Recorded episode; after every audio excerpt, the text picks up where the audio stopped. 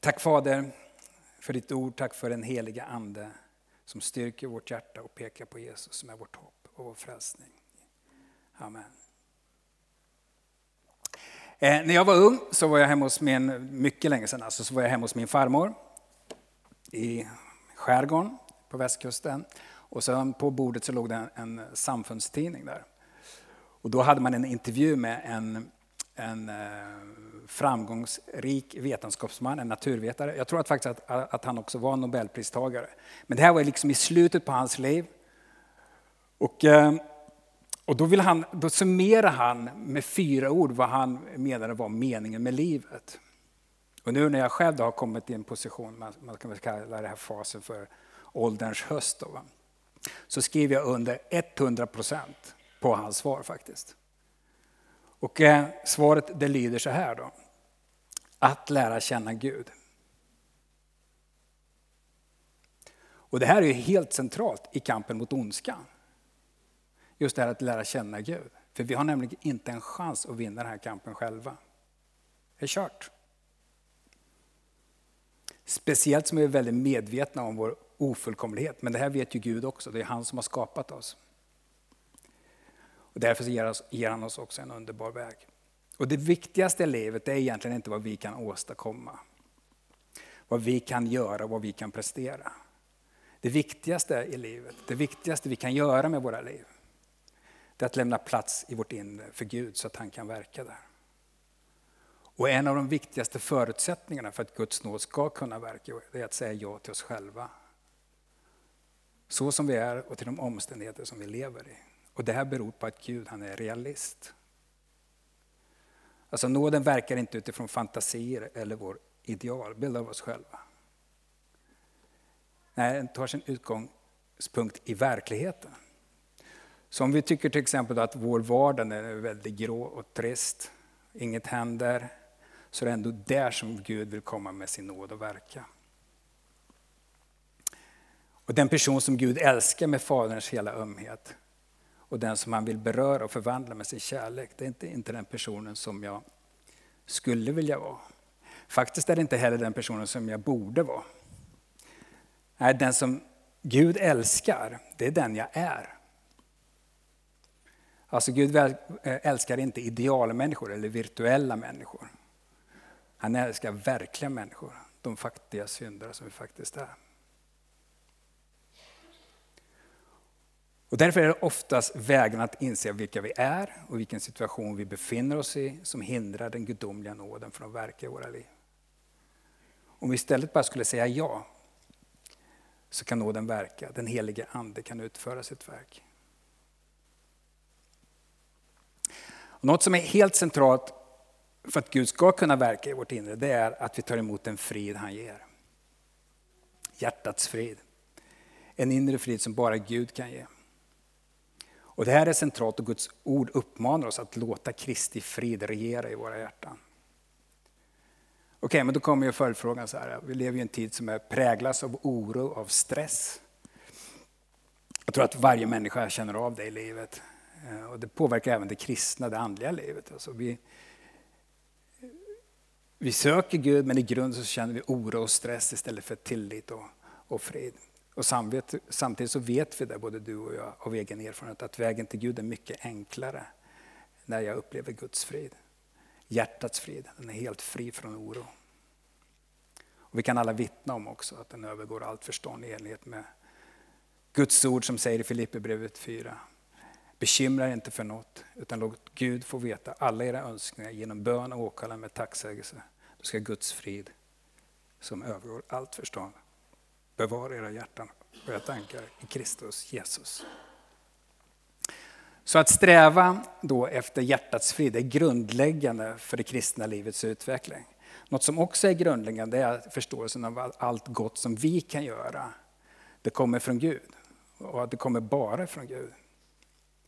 Utan mig kan ni ingenting göra, säger Jesus i Johannes 15 och 5. Han säger inte så här att utan mig kan ni inte göra så mycket. Eller han säger inte heller så här, utan mig kan du nästan inte göra någonting. Utan han, han säger så här, understryker nu, kan ni ingenting göra? Och om vi då tar Jesu ord på allvar, Utan mig kan ni ingenting göra. Om det där är, är, är, är sanningen. Då. då ställer vi oss frågan, hur ska jag då låta Jesus verka i mitt liv? Hur kan jag tillåta Guds nåd att verka fritt i mitt liv?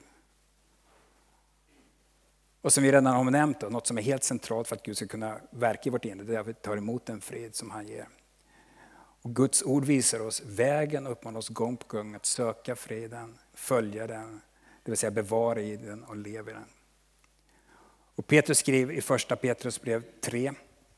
Den som älskar livet och vill se goda dagar, han ska vakta sin tunga från det som är ont och sina läppar från att tala svek. Han ska undvika det onda och göra det goda. Och nu kommer vi in på det här med kampen mot ondskan också. Och i samband med det här, i kampen mot ondskan, så ska vi söka friden och följa den. Och det här är så centralt i det kristna livet. Så Paulus, när han skriver brev till församlingen så börjar han alla sina brev med att hälsa församlingen med nåd och frid. Och vi kan läsa i Galaterbrevet 1 och 3 att nåd vara med er och frid från Gud, vår Fader och Herren Jesus Kristus. Petrus han hälsar det här också i sina brev. Och just det här med att koppla ihop nåd och frid, det är helt centralt. Alltså. Jag kommer komma också in på det senare när vi talar om hur vi bör reagera på det som får oss att förlora hjärtats frid. Men först ska vi koncentrera oss på kriterier för att uppleva hjärtats frid. Som inte är en egotripp alltså. Utan precis tvärtom. Den frid som evangeliet talar om innebär inte sluten inåtvändhet. Det gör oss inte likgiltiga utan är en frukt av kärleken. Och det ger också en äkta känslighet för nästans behov. Så egentligen är det bara den som äger den här inre friden som kan hjälpa sin medbroder effektivt. Hur skulle vi kunna förmedla fred till andra om jag inte har den själv? Hur kan vi få fred i våra familjer, mellan människor, i samhället, om vi inte först har den i våra hjärta? Sanningen är, är den att utan frid så kommer vi förmodligen bara förmedla vår egen oro och våra egna bekymmer. Så det är ena sidan, sök friden och bevara den. Den andra sidan är det kristna livet en kamp också. Ett skoningslöst krig, och det är lika viktigt att förstå. Paulus uppmanar oss i Efesierbrevet 6. Ta på er hela Guds vapenrustning så att ni kan stå emot djävulens listiga angrepp. Vi kämpar inte mot kött och blod utan mot förstar, mot makter, mot världshärskarna här i mörkret och mot ondskans andemakter i himlarymderna. Den här kampen är helt oundviklig. Utan krig finns det ingen frid. Utan strid finns det ingen fred. Utan kamp ingen seger. Den är platsen för vår rening och för vår andliga växt. Här lär vi känna vår egen svaghet men vi lär också känna Guds oändliga barmhärtighet. Och som vi sa tidigare här, va? Vi vet hur det kommer sluta. Den kristnas andliga kamp, även om den kan vara hård, är inte en desperat strid där man kämpar ensam och i blindo. Det är kampen hos den som vet att segern redan är vunnen, vunnen i enlighet med Uppenbarelseboken 5 och 5. Gråt inte, se lejonet av Judas stam, Davids rotskott har segrat. Man strider inte i egen kraft, utan med Herrens hand som sagt. Min nåd är nog för dig, för min kraft fullkomnas i svaghet. Och främsta vapnet där, det är ju alltså inte min naturliga karaktärsstyrka, mänsklig skicklighet, utan det är tron. Så vad gör vi då? Jo, vi, vi, vi överlämnar oss i blind förtröstan åt honom som aldrig kan överge de sina. Och så får erfara, som det står i Filipperbrevet 4, att allt förmår jag honom som ger mig kraft. Och som det står i psalm 27 och 1, att Herren är mitt ljus och min frälsning, vem skulle jag frukta? Herren försvarar mitt liv. Så den kristne han strider alltså ibland våldsamt. Han kallas att göra motstånd ända till blods i kampen mot synden, säger Hebreerbrevet. Men han strider med ett fridfullt hjärta. Kampen blir mer framgångsrik om hjärtat är fridfullt.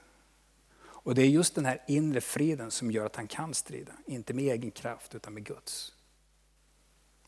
Det behöver också klargöras att en troende måste alltid anstränga sig för att bevara hjärtats frid. Hur våldsam prövningen än är.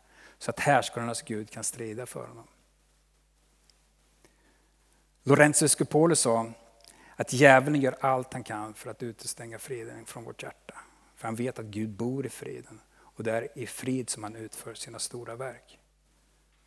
Så många gånger så består kampen den andliga kampen just i att försvara hjärtats frid. Och det är nödvändigt att vi inte glömmer det, för ofta händer det att vi tar fel och sen riktar vi krutet på helt fel grej. Alla våra krafter på fel saker. Vi strider på ett område fienden fört oss och där han kan besegra oss hur lätt som helst. Istället för att strida på det verkliga slagfältet där vi med Guds nåd alltid kan vara säkra på seger. Och det här är en av de stora hemligheterna med den andliga kampen. Att inte ta fel kamp. Att trots vår motståndares listiga knep, för att han är slug, va? kunna urskilja vad det verkliga slagfältet är. Ibland så är det så att vi tror att den andliga kampen är att övervinna alla våra karaktärsfel. Att aldrig falla för frestelser, att inte ha några svagheter och brister. Och på den här fronten så kommer vi ofrånkomligen besegras. Det är inte det som Gud kräver av oss heller. Den äkta andliga kampen innebär snarare än att vi försöker bli felfria, acceptera att vi inte är det. Att vi faller ibland, utan att för den skull bli modlösa. Att vi inte förlorar friden eller blir överdrivet deprimerade av våra nederlag. Och att vi lär oss att utnyttja våra fall för att ta ny sats och nå ännu högre efteråt. Och det här är möjligt om vi bara inte grips av panik utan förblir i frid. Så den andliga kampens första mål, det mot vilka alla våra ansträngningar bör riktas, är att bevara hjärtats frid under alla omständigheter, även i nederlaget. Det är bara så vi kan uppnå det andra målet. Vilket är att undanröja våra brister, ofullkomligheter och synder. Och den segern måste vi också önska oss, självklart. Men väl medveten om att vi inte kommer uppnå den av egen kraft. Därför ska vi inte heller tro att vi kan nå det omedelbart. Det är endast Guds nåd som vinner den segern åt oss. En nåd vars verkan blir så mycket mer kraftfull och snabb om vi förmår, bevara hjärtats frid. Och tillitsfullt överlåta oss i Faderns händer. Vad är det då som kan få oss att förlora friden? Grundläggande kan man säga att det är tankar som kommer in i vårt sinne, det kan komma ifrån omgivningen, tidsantan, mentaliteten eller från fienden. Det egentligen spelar ingen roll. Faktiskt. De här tankarna gör oss oroliga, rädda eller missmodiga. Istället så behöver vi byta ut de här tankarna mot tron. Använda trons fasta övertygelse som ger intellektet näring och styrker hjärtat i prövningens stund. En sanning som vi alltid kan använda oss av det, det är det att alla orsaker till att vi förlorar friden, det är dåliga orsaker. Och en sån övertygelse kan inte grundas på mänskligt antagande. Den kan bara vara trons visshet med Guds ord som grund. Jesus har tydligt sagt att Guds frid inte byggs på logik. I Johannes 14.27 så säger han, frid lämnar jag åt er, min frid ger er. Jag ger, jag ger inte den som världen ger. Låt inte era hjärtan oroas och tappa inte modet. Om vi skulle söka den här friden som världen ger, om vi väntar oss frid enligt världens logik, Eh, och dess orsaker som dikteras av den omgivande tidsandan. Därför att det går bra för oss och för att eh, vi inte möter något motstånd och alla våra önskningar uppfylls. Så det är helt enkelt säkert så att vi aldrig kommer att få frid. Eller att den frid vi får blir extremt sårbar och kortvarig. Så för oss troende så kommer den verkliga orsaken till att vi alltid kan vara i frid inte från världen. Jesus säger i Johannes 18 och 36, mitt rike är inte av den här världen. En annan översättning säger, mitt rike hör inte till denna världen. Vår frid kommer av Jesu ord. Och när Jesus bekräftar att han ger oss sin frid, då är det ett gudomligt ord. Ett ord som har samma skapande kraft som det ord genom vilken himmel och jord blev till ur intet. Och har samma tyngd som det ord som stillar stormen, helade sjuka och uppväckte döda. Vi tar emot alla Guds gåvor i tro och litar på att ordet har skapande kraft, att någonting sker. Johannes 16 och 33 så säger Jesus, detta har jag sagt till er för att ni ska ha frid i mig. I världen får ni lida, men var frimodiga. Jag har övervunnit världen. I Jesus kan vi alltid förbli i frid. Därför att han har besegrat världen, därför att han har uppstått från de döda. Genom sin död har han besegrat döden, han har upphävt straffdomen och han har uppenbarat Guds välvilja. I Romarbrevet 8 så står det om Gud är för oss, vem kan då vara emot oss? Vem kan skilja oss från Kristi kärlek? Utifrån denna trons orubbliga grund ska vi titta på några situationer där vi ofta förlorar hjärtats frid, men också först förtydliga till vem det här budskapet har ett värde. Man kan inte få frid hur som helst. Man kan inte ha vilken attityd som helst gentemot Gud. Så den människa som sätter sig upp mot Gud och som mer eller mindre medvetet undviker honom eller flyr hans kallelse och krav, han kan inte förbli i frid. Och när en människa som älskar Gud av hela sitt hjärta och vill tjäna honom, då, då är det så att djävulens vanliga strategi det är, det är att försöka få henne att förlora friden. Men Gud kommer henne till hjälp för att ge friden tillbaks. Men den här lagen den kastas om när, när den vars hjärta är långt borta ifrån Gud ehm, som är likgör och begår onda handlingar. Djävulen försöker lugna dem och hålla dem kvar i en falsk frid. Medan Herren som önskar deras frälsning och omvändelse kommer att oroa och störa deras samveten för att väcka ånger. En människa kan inte förbli i djup och varaktig frid om hon är långt borta ifrån Gud. Om hennes vilja inte är riktad mot honom. Augustinus skrev i sina bekännelser, du har skapat oss för dig Herre. Vårt hjärta är oroligt tills det finner vila i dig. Och ett nödvändigt villkor för frid, det är den goda viljan. Man kan även säga att man kan inte eh, uppnå äkta frid så länge vårt hjärta inte funnit sin enhet, vilket sker när vårt hjärtas önskningar underställs önskan att älska Gud, att vara honom till lags, göra hans vilja, vilket per automatik också innebär en vanemässig avsikt att frigöra oss från allt som står honom emot. Men när, när det här är sagt kan vi å andra sidan bekräfta att denna goda vilja räcker. Det räcker för att du ska ha frid i hjärtat, för att jag ska ha frid i hjärtat. Även om man också har massa fel och brister. I Lukas 2.14, alltså i julevangeliet, så sjunger änglarna frid på jorden till Guds välbehags människor. Alltså Gud har bestämt att i Kristus ge frid till de människorna som behagar honom. En annan översättning, eller den latinska bibeltexten Vulgata som är en av de första översättningarna, den säger frid till människor av god vilja. Så har du den goda viljan så vill Gud ge dig sin frid i Kristus.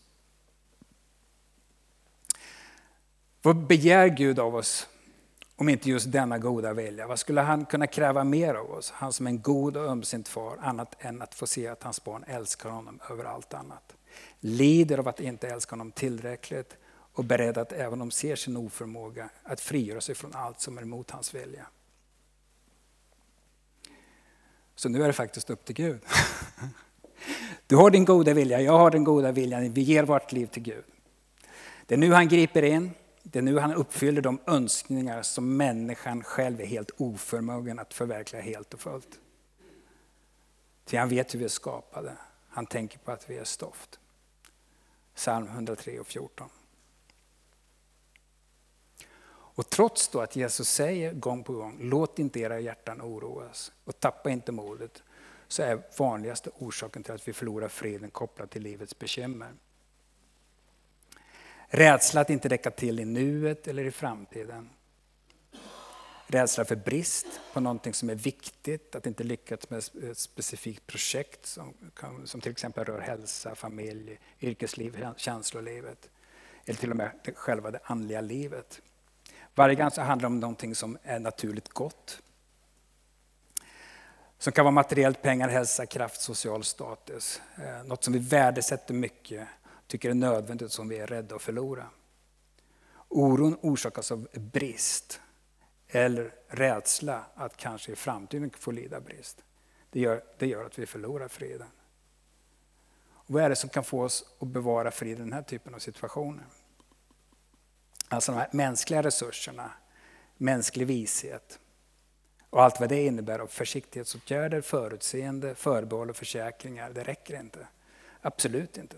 Det är inte genom kalkyler och huvudbry som vi löser problemet. Vem av er kan med sitt bekymmer lägga en enda an till sin livslängd, säger Jesus i Matteus 6 och 26. Och det är faktiskt så här att Människan kan aldrig vara helt säker på att hon ska uppnå det hon vill ha. Och allt det som hon för tillfället har kan tas ifrån henne från en dag till en annan. Hon har absolut ingen garanti att stödja sig på. Och det är inte heller den vägen som Jesus lär. Han säger istället i Matteus 16 och 25 att den som vill rädda sitt liv ska mista det. Men den som mister sitt liv för min skull, han ska vinna det. Jacques Philippe han skriver i boken Sök friden och bevara den. Att man kan till och med säga att det allra säkraste sättet att förlora friden. Alltså, nu kommer alltså receptet om du vill förlora freden så är det här absolut säkraste sättet att bli av med den.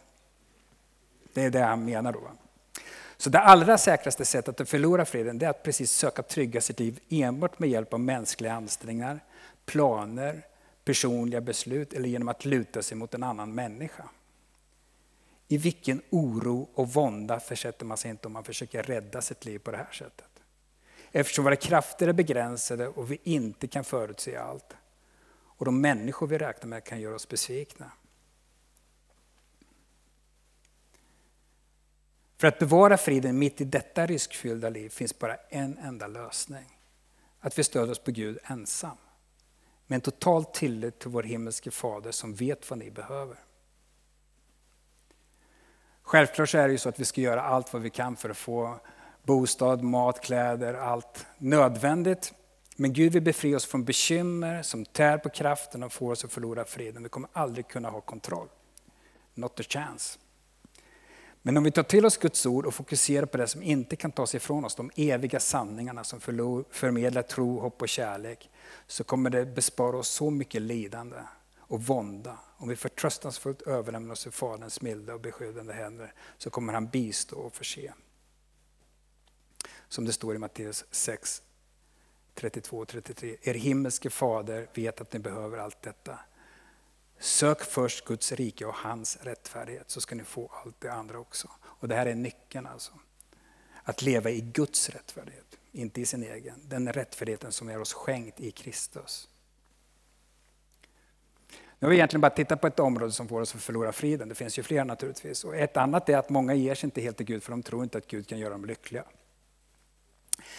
Om man ska, söker skapa sin egen lycka, vilket över tid bara resulterar i missmod och olycka. Och det här är en eh, stor seger för lögnens fader, åklagaren. Att i en människas hjärta så misstrodd gentemot Fadern.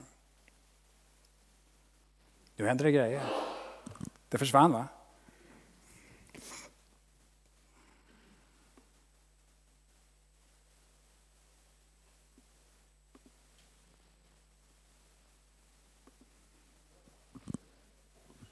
Är kvar. En tredje är att så länge vi inte har en konkret erfarenhet av Guds förseelse så är det svårt att tro på den. Jesu ord tycks inte vara tillräckligt för oss. Men då är det viktigt att förstå det att vi måste ge Herren nödvändigt utrymme. Det är ungefär som att hoppa fallskärm. Först så hoppar man och sen blir man buren. Sen tog det. Fjärde, det är rädsla för lidande. Herren kan låta oss sakna vissa saker som världen bedömer som nödvändiga, men låt oss aldrig lida brist på det väsentliga. Hans närvaro, hans frid och allt vi behöver för att förverkliga våra liv enligt hans plan. Och faktiskt, vid vissa tidpunkter i livet så inbjuds den kristna tro trots allt. I yttre omständigheter som tycks motsäga tron och hålla fast vid hoppet fast allt hopp, tyck, hopp tycks vara ute. Vi kan faktiskt få erfara att vi får ta en minut i taget och ibland en timme i taget. I den här situationen, då, hur ska vi då växa i den totala förtröstan? Och hur kan vi ge näring till den? Inte genom intellektuella spekulationer eller teologiska överväganden. Det bär liksom inte i prövning just den. Det som bär det är att fästa sin blick på Jesus, han som ger sitt liv för oss, som uppenbarar sin kärlek till oss. På korset han visar det yttersta beviset på kärlek. Ingen har större kärlek än att han ger sitt liv för sina vänner. Vad kan man då frukta från en Gud som så påtagligt har visat oss sin kärlek? Han är helt för oss, totalt och helt på vår sida. Han som inte skonade sin egen son utan utgav honom för oss alla. Hur skulle han kunna göra annat än också skänka oss allt med honom? Är det då så svårt att överlåta sig till Gud? Och här skulle man behöva göra ett förtydligande också. Om överlåtelsen, överlåtelsen ska bringa frid så måste den vara total. Alltså man, man överlämnar allt till Gud. Utan att försöka kontrollera eller frälsa oss själva av egen kraft. Varken på det materiella, på det känslomässiga eller på det andliga planet. Vi kan, vi kan liksom inte bara stycka upp det mänskliga livet i olika sektorer. så här. Vissa där det är legitimt att överlämna sig åt Gud och vissa där man måste fixa allt helt och hållet själv. Jag måste vara klar över att allt som jag vill styra över själv utan att ge Gud fria händer kommer fortsätta att oroa mig mer eller mindre. Och måttet på min inre frid är måttet på min överlåtelse. Med andra ord på min frigjordhet. Djävulen däremot, han har ju knep. Va? För att oroa oss och tappa modet. Han vill få oss att tro att Gud kommer ta precis allting. Och förstöra allt i våra liv. Och det här kan ju skapa skräck och paralysera. Och vi får inte falla i den fällan. Ofta är det så att Gud bara ber om en inre attityd av frigjordhet. Beredskap att ge honom allt. Men han tar inte nödvändigtvis allt. Han låter oss äga i frid och vi bör lugnt stå emot de samvetsbetänkligheter vi kan ha beträffande vissa ägodelar eller helt mänskliga glädjeämnen, hobby som åka Vasaloppet, eh, motorcyklar eller vad man håller på med. Som ofta förekommer hos de som älskar Herren och vill göra hans vilja. Men vad ska man göra då om jag inte kan överlåta mig? Alltså det här med överlåtelse det är inte helt naturligt för oss. Jag vet inte hur ni upplever det, men för mig är det inte helt naturligt. Och det är en nåd vi måste be Gud om. Han kommer ge den till oss om vi ber uthålligt. Så svaret blir man överlåter sig ändå. Överlåtelsen är en frukt av den helige Ande. Och Herren vägrar inte någon denna ande om man ber om den i tro.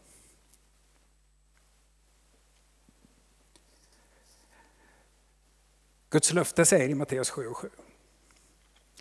Be så ska ni få. Och Jesus säger i Lukas om nu ni som är onda förstår att ge goda gåvor till era barn.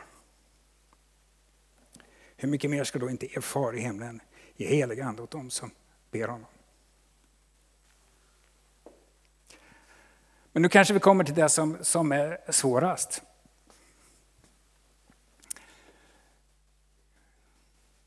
Och det är att bevara själsfriden trots insikten om min egen svaghet, erfarenheten av mina brister, hur jag faller om och om igen.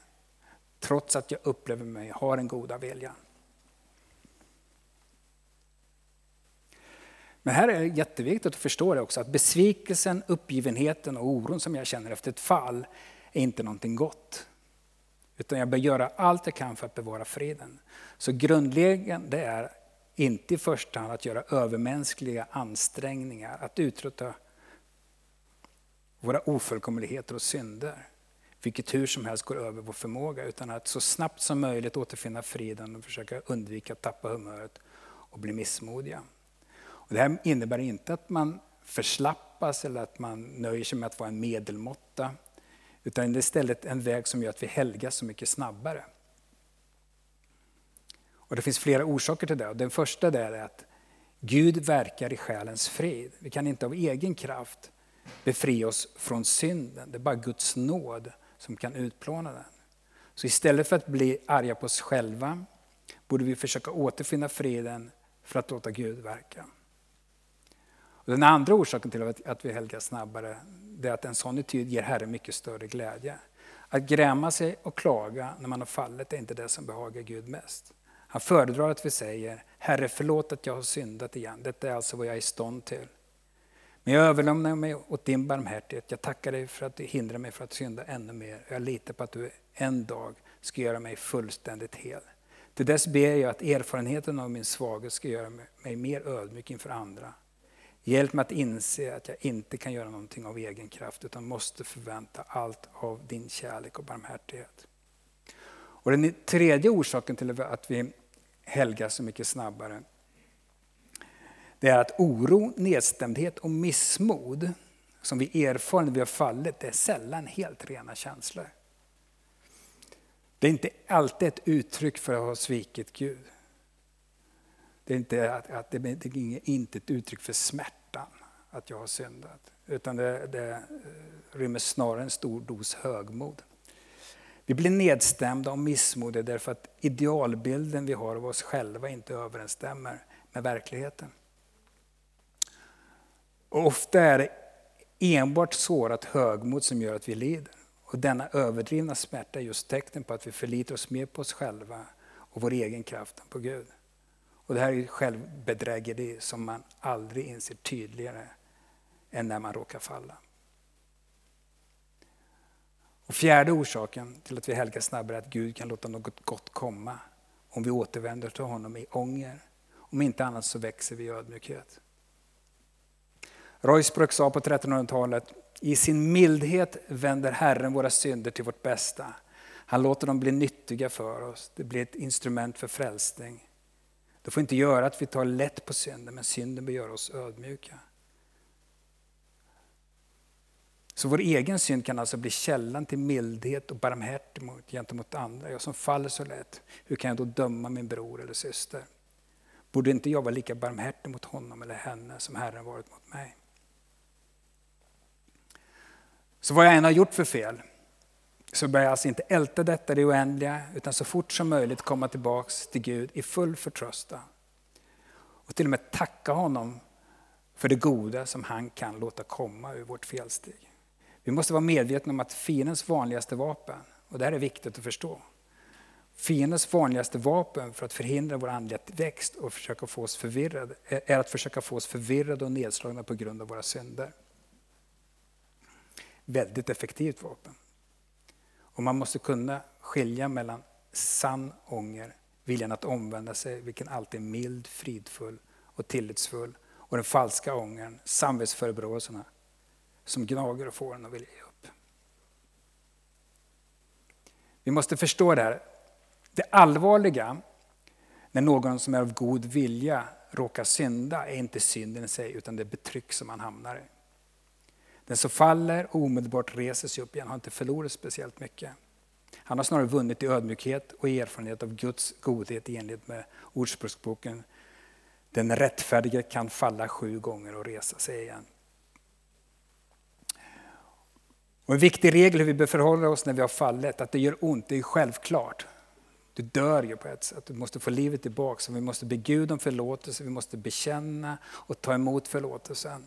Men samtidigt försöka att så snabbt vi kan återfinna friden som om ingenting har hänt.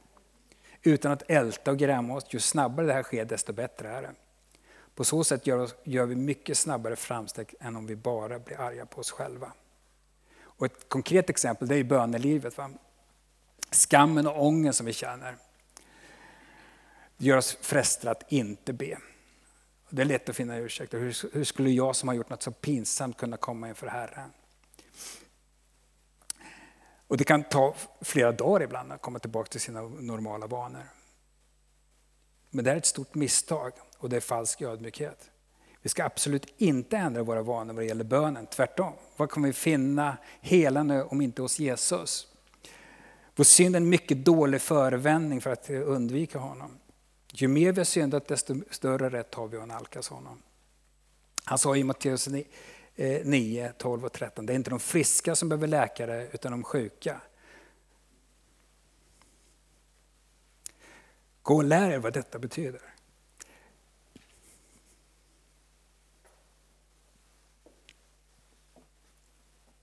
Jag vill se barmhärtighet och inte offer. Jag har inte kommit för att kalla rättfärdiga utan syndare. Om vi då tar emot Jesu ord på allvar, ordet om helgelse, var alltså fullkomliga liksom er himmelske fader är fullkomlig. Varför är det då när allt kommer omkring denna väg av frid, överlåtelse och lugn acceptans av vår ofullkomlighet som man bör förespråka? Varför skulle det vara bättre än att bekymrat och ängsligt söka Guds vilja och anstränga sig till det yttersta för att försöka bli fullkomlig? Och nu kommer vi tillbaka till där vi började. Va? Nu är det dags att knyta ihop säcken. Vi kan liksom inte helga oss själva. Mig förutan kan ni ingenting göra, säger Jesus. Det är Gud som helgar oss. Det är han som verkar i oss. Och det viktigaste i livet, det har lämnat plats i vårt inre för Gud så att han kan verka där. Vi vet att Gud bor i friden och i frid som han utför sina stora verk. Så svaret är att det finns mer kärlek på fridens väg. Vår bild av fullkomligheten överensstämmer inte alltid med verkligheten. Vi tror att man måste vara helt perfekt, utan fel eller minsta skråma. Men fullkomlighet innebär gudomlig osjälvisk kärlek. Kärlekens väg är den mest effektiva att rena oss. Få oss att utvecklas och växa. Bara Guds kärlek är källan till mognad och fruktbarhet. Guds kärlek renar oss på djupet från våra synder. Kärlekens väg innebär inte att nöja sig med medelmåttighet och ge upp all strävan efter fullkomlighet. Den är istället snabbaste och säkraste vägen dit eftersom den skänker oss den rätta inre hållningen. I förtröstan och överlåtelse överlämnar vi oss totalt i Guds händer. Och han kan då av ren nåd föra oss till en fullkomning som vi aldrig skulle uppnå av egen kraft. Ehm, um, så om vi bara kommer ihåg en sak ifrån um, det här budskapet så önskar jag att det är själva kärnan i budskapet. Vilket är att jag kommer inte till Gud för att visa upp ett perfekta liv. Visa att jag har allt på plats. Jag kommer till Gud för att överlåta mig till honom, precis som jag är. Öppna upp för Gud så att han kan verka i mitt liv. Forma mig till att bli mer och mer lik honom. Fader, tack för nåden och friden du har gett oss i Kristus. Tack att du möter oss med kärlek. Tack att du helgar oss och genom din nåd ger oss seger i kampen mot ondska. Tack att du ger oss förmåga att i full frid överlämna allt till dig. I Jesu namn. Amen.